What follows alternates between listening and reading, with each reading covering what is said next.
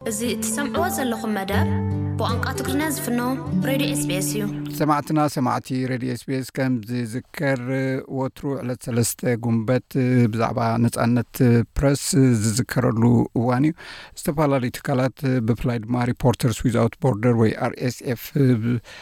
ነዚ ኣመልኪቱ ንሃገራት ብሓደ መዐቀኒ ብገለ መዐቀኒታት ማለት እዩ ኣብ ገለ ደረጃታት የውድቀን እዩ ኣብ ናይ ሎሚ ዓመት ኤርትራ ኣብ መበል 174 ካብ 180 ሃገራት ተሰሪዓ ኣላ ኢትዮጵያ ብወገና 130 ተርታ ተሰሪዓ ኣላ እዚአን ኣዝዩ ኣብቲ መወዳእታ ዝርከባ ማለት እዩ ኤርትራ ንኢራን ከሚንስታን ሲርያ ብልዕሊ ናይ ኤርትራ ዘላ ስለዚ ኣብ ሕማቅ ኩነታት ከም ዘላ ዓመታዊ ዝግለጽ እዩ በዚ መንፅር እንታይ ዘመላኽት እዚ ንዝብል ንጋዜጠኛ ካልድ ዓብዱ ፀውዒ ኣለኹ ንሱ ዝተፈላለዩ እዋናት ብዛዕባ ጋዜጠኛታት ብፍላይ ድማ ኣብ ኤርትራ ተኣሲሮም ዘለዉ ኩሉ ግዜ ክጣበቕ ዝፀንሐ እዩ ናቱ ንባብ እንታይ ከም ዝመስል ነፃነት ፕረስ ኣብ ከባቢና ከመይ ከም ዘለውን ሓፂር መብሪ ክበና የቀኒለይ ጋዜጠኛ ካልድ ዕድመይ ኣኽቢርካ የቀኒለይ ኣነውን ነቲ ዕድል ሂብካ ሓሳበይ ዝገልፅ መድረክ ስለ ዝፈጠርካ የቀኒለይ በይነ ሕራይ ካልድ ማለት እቲ ናይ ኤርትራ ኩሉ ግዜ ዝለዓል እዩ ብዙሓት ምስ ተኣስሩ ናይ ብሕቲ ጋዜጠኛታት ስኻውን ብፆትካ ዝነበሩ ማለት እዩ ኣበይ ከም ዘለውን ዘይፍለጠሉ ኩነታት እዩ ዓመታዊ ከምዚ ዓይነት ጸብጻብ ብዛዕባ ኤርትራ ክወጽእ ከሎ እንታይ መልእኽቲ ንምሃብ እዩ ወይ እውን እንታይ ዓይነት ፅልዋ ክፈጥር ስለ ዝኽእል እዩ በዚ ከምዚ ዝግለፅ ወይስ ንስለ ምግላፅ እዩ እንታይ ኢምፓክት ወይ ከዓ ተፅዕኖ ክገብር ይኽእል ኢልካ ትሓስብ ከምዚ ዓይነት ዓመታዊ ፀብፃብ ብዛዕባ ኤርትራ ኣብ ታሕቲ ደረጃ ምስርዓ ወል እዚ ኢንዴክስ እንድዩ ዓመታዊ ፀብፃብ ናይ ኩላ ሃገራት ፀብፂቦም ኣየናየት ሃገራት መሓየሽ ኣሎ ኣየናይ ሃገራት እንዳኸፍአ ኸይድ ኣሎ መርኣያ ንኽኸውን ዝወጽእ እዩ። እዚ ከኣ ብመንጽር እቲ ዓለምና ናበይ ገጹ ይኸይድ ኣሎ፣ ኣብ ሙያ ጋዜጠኝነት ዘለዉ ሃገራት ብኸመይ ንዕኡ ይሕዝኦ ኣለዋ ዘርኢ ኢንዴክስ ደኣ እዩ እምበር ነዚ ስለ ዝወጸ ዝቕየር ነገር ፍሉይ ነገር የለን። ዓመታዊ ዝግበር ጸብጻብ እዩ። እዚ ከኣ well ብተዛማዲ እንተርኢኻዮ ኣብ ኤርትራ እቲ ዝነበረ እቲ ዝኾነ ኮይኑ እዩ። ብድሕሪኡ ግን ወል ካልእ ጋዜጠኛ ናይ ብሕቲ ጋዜጣ የለን ድእሰር የለን ገለ ሚእትን ሰማንያን ገለን ሚእትን ሰብዓን ገለን ዝነበረሉ ሕጂ ተመሊሱ ናብዚ ክመጽእ ከሎ ካልኦት ሃገራት እንዳኸፍአ እንዳኸደ ክልዕሊ ኤርትራ እንዳኾና ዝኸዳ እምበር ድሕሪ ኖርዝ ኮርያ እታ ካልኣይቲ ዝነበረት ኩሎም ጋዜጠኛታት ብሕቲ ዝኣሰረት ሃገር ኮይና ነዊሕ ግዜ ትኸይድ ነይራ ስለዚ ካልእ ሃገራትን ካልእ ክፋል ዓለማትን ኣብ ልዕሊ እቲ ሙያ ዘለዎም ነገር እንዳኸፍአ ክኸይድ ከሎኻ እቲ ተራታት እንዳተቐያየረ የርኢ እሞ ከምዚ ቴርሞሜተር የርእየካ ሃገራት ኣበይ ኣለዋ ኣብ ከመይ ኩነታት ኣሎ ደኣ እዩ እምበር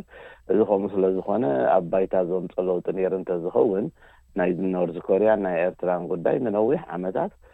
እቲ ናይ መጨረሻ ደረጃ ዝሓዘ ኮይኑ ይኸይድ ኔሩ እዩ ግን ኣብ ጸብጻብ ካብ ምውጻእ ሓሊፉ ኣብ ተግባር ከይዱ ከምጾ ዝኸኣለ ለውጢ ወይ ከምጾ ዝኽእል ለውጢ ብዙሕ ኣይኮነን ስለዚ እዚ ዓመታዊ ዝግበር ጸብ ኣራይ ሪፖርተርስ ዊዝኣውት ቦርደር ከም መዐቀኒ ተወሳኺ ኣቕሪቦ ዘሎ ነዚ ኢንደክስ እዚ ንምድላው ሓደ ሓሙሽተ መዐቀኒታት ኣለዋ ፖለቲካዊ ትሕዝቶ ብሕጋዊ ፍሬምዎርክ ብቁጠባ ከምኡውን ማሕበረ ባህላዊ ኩነታትን ከምኡውን ብድሕነት መንፅር ርእዩ እዩ ነዘን ሃገራት ሰሪዕወን እሞ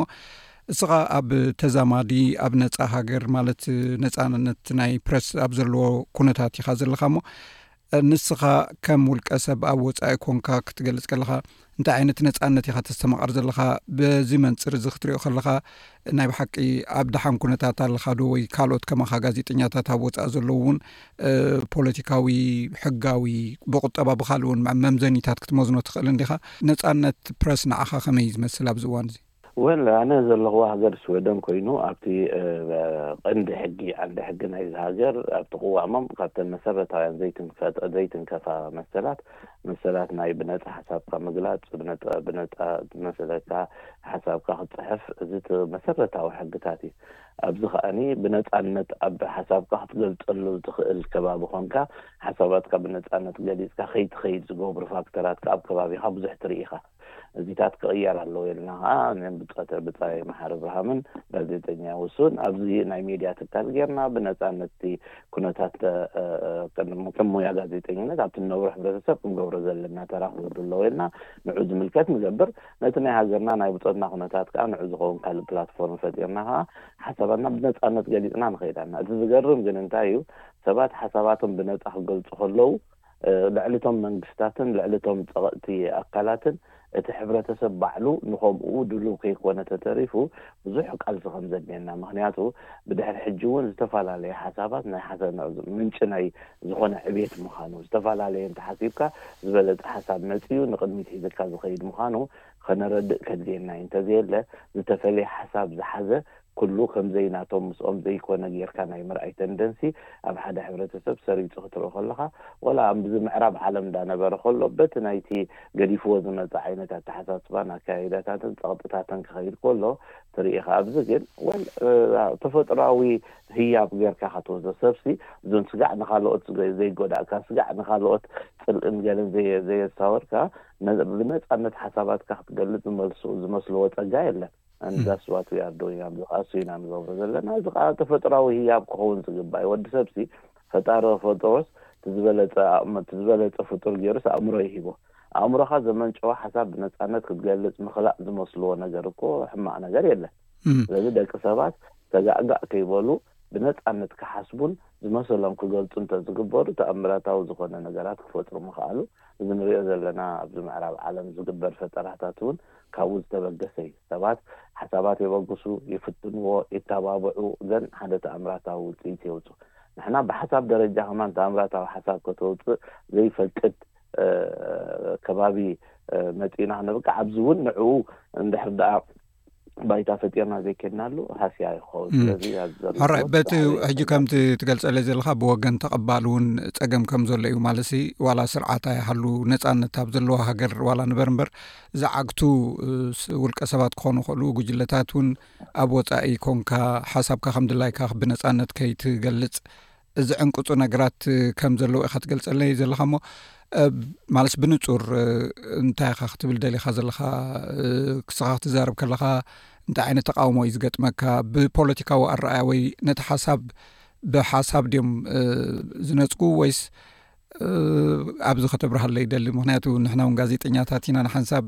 ኣብቲ ናትካ ፐርሶናሊቲ ኣብቲ ሓሳብ ክንዲ ምምጓት ካልእ ነገራት እውን ንዕዘብ ኢና እሞ ንዓኻ ብተመክሮ እንታይ እዩ ዘጋጥመካ ከም ድላይካ ኣብቲ ነፃነት ዘለዎ ሃገር ሓሳብካ ብነፃነት ከይትገልፅ ዝገብሩ ነገራት እንታይ እዮም እወ ወል እንታይ እዩ ሓደ ሓደ ግዜ እንታይ ደስተውዕል ኣምዚ ነጻነት ነጻነት ናይ ዝኾነ ነገር ናይ ሓሳብ ናይ ምጽሓፍ ናይ ገለ ከም ዝናብ እንተዘኒቡስ ገለ ገሊኦም ሰባት ጽላል ሒዞም ከይዛወር ኢኻ ትፈርሕ እቲ ናይ ብሓቂ ኢኻ እቲ ሓሳባት ብነጻ ክንሸራሸር ዝፈርሑ እንተኾይኖም እቲ ሓሳብካ ካብ ናቶም ዝተፈልየ እንተኾይኑ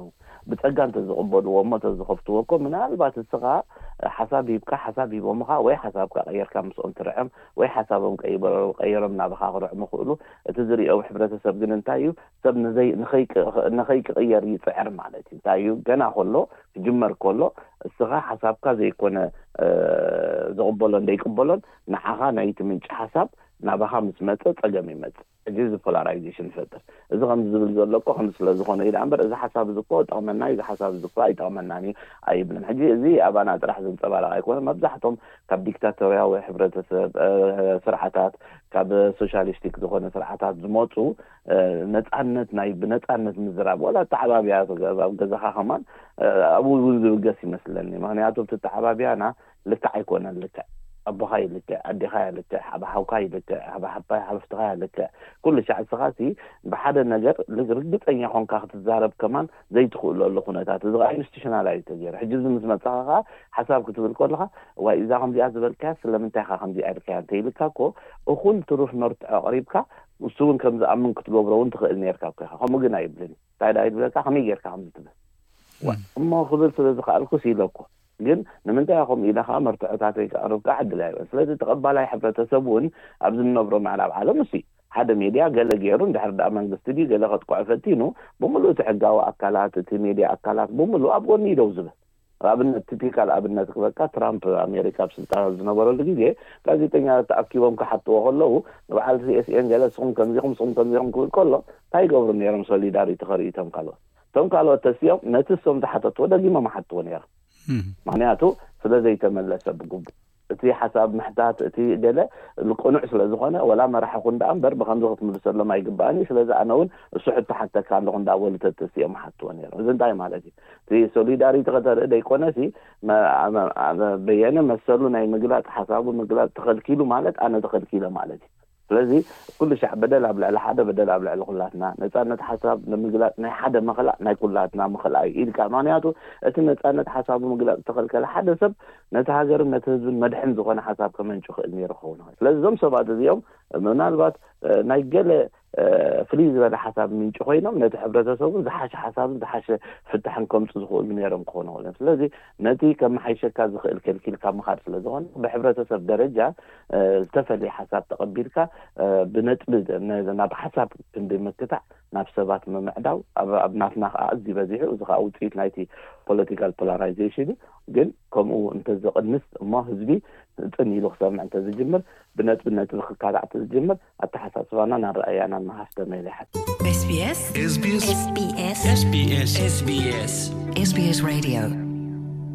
ኣራይ ኣብዚ ሶሻል ሚድያ ተፈጢሩሉ ዘሎ ዓለም ማለሲ ሰባት ድላዮም ሓሳቦም ክገልፁ ኣብ ዝኽእልሉ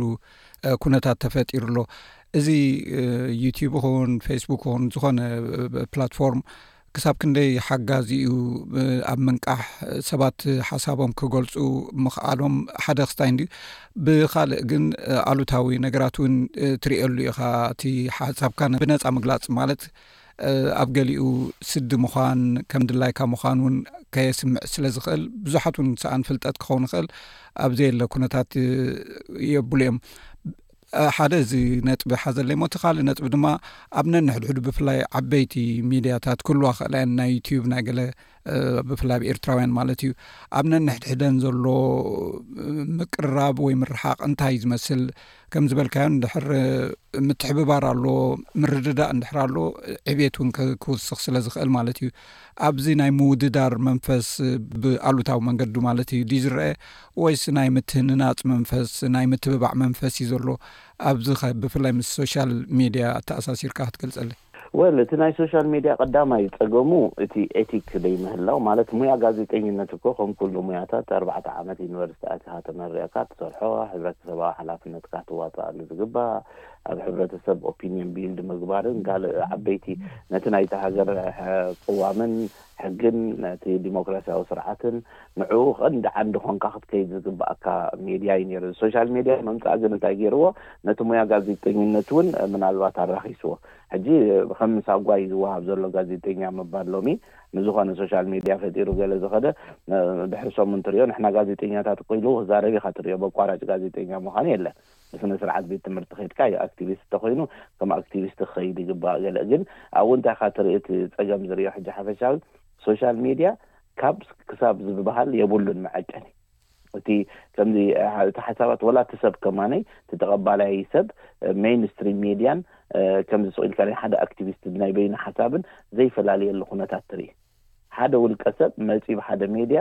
ገለ እንተ ኢሉ ምናልባት ቅድሚኣ ዘላ ድሮ ለይቲ ሕማቕ ነገር ኣጋጢምዎ ብ ሂወት ኣእምሩኡ ስሒቱ ክኸውን ይኽእል ኢዩ ሽዓ መዓልቲ ዝዛረቦ ዘሎ ትርኢ ኢኻ ከኣ ኣብዚ ሓደ ሓደ ግዜ ክትኣምኖ ዘይትኽእል ሙድ ኣሎ ሰባት መድሃኒት ዝወስዱ ኣብ ዝተፈላለየ ግዜ መድሃኒት እንዳወሰዱ ህድእ ዝብሉ ከይወሰዱ ከኣ ካብ ንቡር ዝወጹ ኣለዉ ሰባት ኣሕዋት ናይ ጥዕና ነገር ኢዩ እዞም ሰባት እዚኦም ኣብ ሜድያ መጺኦም ሓደ ሓደ ግዜ ደሓን ክኾኑ ኣለዉ ጽቡቕ ተዛሪቦም ሓደ ሓደ ግዜ ከኣ ሕብረተሰብ ዝዘልፍ ገለ ክኸይድ ከሎ እቲ ህዝቢ ናብኡ ኸይድ ኣስማት ክጠቅስ ኣይደልን እየ ትኸይድ ትሪኦ ትሕዝቶ ናይቲ ዝዝረብ ዘሎ ዘረባ ብዙሕ ዘይኮነ ከሎ ስነ ፍልጠታዊ ዘይኮነ ከሎ ምንጪ ምጥቃስ ዘይብሉ ከሎ ናብኡ ግን በሻሓት ተኣኪቡ ትሪኦ ሓደ ቁም ነገር ናይ ስነ ኣእምሮ ዶክተር ክኢላ ኣምፂኻ ከተዛርቦ ከለኻ ከዓ ኣርባዕተ ሚእቲ ክልተ ሚእቲ ሰብ ትርኢ ኣብቲ ከዓ በሻሓት ትርኢ ስለዚ እቲ ሕብረተሰብ እውን ከም ሕብረተሰብ ተቐባላይ ኣበይ ከይዱ ይሰምዕ? እንታይ ይሰምዕ? እዚታት ኣዝዩ ወሳኒ እዩ። ምኽንያቱ ኣየናይ ሓሳብ እዩ ዝያዳ ባይታ ክረክብ ዝግብኦ? ናይ ነዊሕ ዓመታት ተማሂሩ፣ ስነ-ኣእምሮ ኣጽኒዑ፣ ንሕብረተሰብ ዝጠቅም መደብ ግዜኡ ገዲፉ መጺኡ ዘቕርበልካ እንድሕርዳ ብዙሕ ደይበጽሕ ደይዝርጋሕ ኮይኑ እቲ ሰብ እንታይ ክብል እዩ ኣይ እዚስ ኣድማዒ ኣይኮነን። ሽዑ እንታይ ደኣ ነቲ ዘየድምዕ ነገራት ይኸዶ ማለት እዩ። ብቐዳ በቲ ቀዳማይ ደረጃ ናይ ሶሻል ሜድያ ዝበልካዮ ኣብ ኣዝዩ ቁምነገር ዘለዎ ስነምግባር ዘለዎ ኤቲክ ናይ ጆርናሊዝም ዝሓለወ ገለ ስለ ዘይኮነ ብዙሕ ላኼማታት ኣለዎ እዚ ንሪኦ ዘለና ማለት እዩ። እቲ ካልኣይ ዝበልካያ ግን ኣብ ናይ ኤርትራዊ ሶሻል ሜድያ ፕላትፎርምስ ተሪኢኻዮ ካብ ምትሕብባር ዘለዎ ዘይብሉ ይበዝሕ። በቃ በብውልቁ እቲ ብሓባር ኮንካ ምስራሕ ስርዓት ሕጊ ተኸቲልካ ምኻድ ገለ ዳርጋ ዘይከኣል እንዳኾነ መጺኡ ኣብ መጨረሻ ሰብ ነናቱ ነናይ ውልቁ ጌሩ በቃ በታ ትመስሎ ንዕኡ ድኸደሉ ኩነታት ኢና ንርኢ ዘለና ኣብዚ ምናልባት ሕጂ ኣብዚ መጨረሻ እዋናት ዝተራእየ ፖዘቲቭ ነገራት ከምዚ ናይ በዓል ኤሬሳት ኣብቲ ሕብረተሰብ ወሪድካ ብኣካል ኬድካ ነቲ ህዝቢ ኣላዚብካ ነቐፌታትካ ተቐቢልካ ኸምዚ እንዳኸድካ ምኻድ ክጅመር ከሎ ከኣ ኣወንታዊ ነገር ትርኢ ምኽንያቱ እቲ ሕበእኣም እምነት ጌሩሲ ኣብ ሓደ ከተማ ከይዶም ክንድዚ ገንዘብ ኣዋጺ ከዋጽእ ከሎ እቲ ሰብ ካብኡ ዝጽበዮ ነገር ኣሎ ልክዕ ተደይ ከይዶም ምውጻእ ክገድፎ እዩ ሳቶም ውን ምስ ህዝቢ ወሪዶም ክዛረቡ ምጅማሮም ወላ እኳ ኣብ ሶሻል ሚድያ ጥራሕ ንርኣያ ሳተላይት ጌርካ ናብ ሃገር ደረጃ ዝኸይድ ይኹን ገለ ከምኡታት ነገር ከኣ ክተባባዕ ኣለዎ ከይዱ ከይዱ እዚ መይን ስትሪም ሜድያ ኣብ ምፍጣር ክሕግዘና እዩ እቲ ኣብ ቅድሚ ሕጂ ውን ከምኡ ዝተገብረ ኔሩ ግን መብዛሕቱ እቲ ሜድያታት ከኣ መስቲ ኩሉ ናይ ሃገርና ኩነታት ተኣሳሲሩ ፖለቲካዊ መርገጺ ሃልይዎ ዝኸይድ ሜድያታት እውን ስለ ዘሎ፣ ከም ኣብነት እየ ኤረ-ሳት ጠቒሰ እምበር ካልኦት እውን ኣብነታት ክህልዉ ይኽእሉ እዮም፣ ተሓባቢርካ ናይ ምስራሕ ነገር ግን ብዙሕ ግዜ ኣይረኣይን፣ ካብዚ ዘለዎ ክመሓየሽን ብዝበለጸ ቀሪብካ ናይ ሓባር ስራሓት ክስራሕ እውን ክሕሰበሉ ዘለዎ እመስለኒ፣ በቲ ዝሓለፈ ፖለቲካዊ ሓጎጽጎጽ ግን ከምቲ ዝድለ የለን። ናይ መወዳእታ ሕቶ እያ ክትከውን ካልድ ማለት ኣብ ጋዜጠኛታት ከ ማለት ፕሮፌሽናልስ ክህልው ክእሉ እዮም ተመክሮ ዝፀንሖም ውን ክህልው ክእሉ እዮም ከምዚ ከማካ እሞ ብሓንሳብ ኮይኖም ሓደ ማለት ነቲ ነፃነት ዘለዎም ኣብ ምክልኻል ፕሮቴክት ኣብ ምግባር ኣብ ምድንፋዕ ነንሕድሕድካ ውን ናይ ምብልላሕ ዓብ ነገር ናይ ምፍጣር ኣሎ ድዩ እቲ ንኣብነት ማሕበር ጋዜጠኛታት ክምስረት ይኽእል ካልእ ነገራት እውን ክግበር ይኽእል እዩ ንምንታይ ከምኡ ኣይረእኹን ማለት እዩ ክሳብ ሕጂ እሞ ከምኡታት ፈተነታት ኣሎ ድዩ ንምንታይ እዩ ክኸውን ዘይከኣለብቲ ናይ ኤርትራውያን ማለት ገለ ስልጠናታት እውን ክውሃብ ስለ ዝኽእል ንካልኦት እውን ኣርኣያ ክኸውን ስለ ዝኽእል ብምባል ኣልዒለ እዩ ጽቡቕ ሓሳብ ኢዩ በየነ። እዚ ማሕበር ጋዜጠኛታት ተፈቲኑ ነዊሕ ግዜ ከይዱ ልዕሊ ኣርብዓ ጋዜጠኛታት ኣባላት ነይሮሞ ግን እቲ ናይ ሃገርና ፖለቲካዊ ምዕባለታት ንዕኡ ውን በታቲንዎ ቅድሚ ሕጂ ብዙሕ ኣኼባታት ነይሩና ቀጻሊ ዝግበር ልዕሊ ኣርብዓ ኣባላት ነይሮምና ማሕበር ተመስሪቱ ወግዓዊ ኣብ ሽወደን ቤት ጽሕፈት ተኸፊትሉ ኣመዝጊብናዮ ሕጋዊ ማለት ኢዩ ይኽየድ ነይሩ ካብ ሙሉእ ዓለም ዘለዉ ጋዜጠኛታት ኣባላቱ ነይሮም ድሕሪኡ ውን ፔን ኤርትራ መጺኡ ኣክቲቭሊ ክሰርሕ ኣይከኣለን። ኣብ ብዙሕ እቲ ፖለቲካዊ ኩነታት ናይታ ሃገር ይፈላልየካ። ሽዑ ኣብኡ እውን ብዙሕ ሕቶታት ይለዓል ነይሩ። መን እዩ ጋዜጠኛ መን እዩ ዘይጋዜጠኛ ገለ ዝብል ነይሩ። ሕጂ እውን ክግበር ዝከኣል ነገር ምስ ትፍትን እሞ ከምዛ ዘለናያ ሱቕ ኢልካ በብውልቃኻ ክትገብር ከለኻ ዝመጽእ የለን። ሱቕ ኢልካ ይኽየድ፣ ስራሕካ ክትገብር ትኽእል። እክብ ክትብል ምስ ጀመርካ ግን ብዙሕ ጎናዊ ሕቶታት እንዳምጸ ዝፈናጥሓካ ይመጽእ እሞ እቲ ሪሶርስስ ዓቕምኻ ብዙሕ ከይገበረ ስለ ዝተርፍ ኣይ በቃ በቲ ዘሎ ፕላትፎርም ኣቲኻ እቲ ሓሳባትካ ምስ ምዝርጋሕ ይሓይሽ ነዚ ክንገብር እንተልና ምናልባት እንታይ እየ ሪኤ ኣነ መጨረሻ ብሓጺር ክነግረካ ኣብ ኣብ ሃገርና ዘሎ ፖለቲካዊ ለውጢ ከይመጸ ብሓባር ተቐራሪቡ ክሰርሕ ዝኽእል ዓይነት ኩነታት የለን ሰባት ብሰንኪ እቲ ብታ ሃገር ዝሓለፍዋ ሓጎጽጎጻትን ዘሎ ፖለቲካዊ ኣከያይዳን ውሽጦም ኣጽርዮም ተኣማሚኖም ክሰርሑ ዘይክእሉሉ ኩነታት መጽዩ እቲ ሓደ ነቲ ሓደ ብናቱ መዐቀኒታት እንዳዓቀነ እክብ ክትብል ኮለኻስ ፋሕ ዘብል ነገር እንዳበዝሐ ስለዝመጸ ስንፍና እዩ ኮሌክቲቭሊ ሰኒፍና ኢና እዚ ኣይኮነን ዝግባእ ኔሩ ዱልዱል ናይ ሜድያ ትካል ክህልወና ይግባእ ግን ዝውልቀ ሰባት ንዕኡ ከም እንጀራ ጥራሕ እንተሪኦሞ ከም ስራሕ እንተሪኦሞ ተኣኻኺብና ኣለካ እቲ ማሕበር ትብሎ ደለኻ መስሪትና ነንማሕበር ከነዕቢ ኢልና ዝወሰድናዮ መርገጺ ካብ ገለ ገለ ሚድያታት ንዓና ውን ነታ ሒዞማ ዘለዉ እንጀርኦም ዝጠመትና መሲልዎም ብዓይኒ ጸላእቲ ዝረኣዩና ኣለዉ ብጾትና ግን እሱ ኣይኮነን ስኻ ማሕበር ጋዜጠኛታት ኣሎ እቲ ማሕበር ወኒንዎ ይኺድ ገለ ኢልካ ጥራሕ ጸላእቲ ትፈጥር ተኾንካ ትገድፎ ማለት ስለዚ ክስራሕ ኣለዎ ግን ለውጢ ኣብ ሃገርና ከይመጸ ብሓባር ተሓኸኺብካ ምስራሕ ኣብ ኩሉ መዳያት ዝከኣል ኣይመስለንን። ስለዚ እቲ ቀንዲ ሽግር እቲ ዘሎ ፖለቲካዊ ኩነታት ኣብ ሃገርን ምስኡ ስዒቡ ዝመጽእ መርገጺታትን ብሓባር ኮንካ ንኸይትሰርሕ ዕንቅፋት ኮይኑ ኣሎ ዝብል እምነት እዩ ዘለኒ። ሕራይ ጋዜጠኛ ካልድ ዓብዱ ብዛዕባ ሎማዓንቲ ናይ ዓለም ነፃነት ሓሳብካ ምግላፅ ፕረስ ፍሪደም ምክንያት ብምግባር ኢና ብዛዕባ ጋዜጠኛታትን ምስ ዝተተሓሓዘ ሕቶታትን ክንሓቶ ፀኒሕና የቐኒለይ።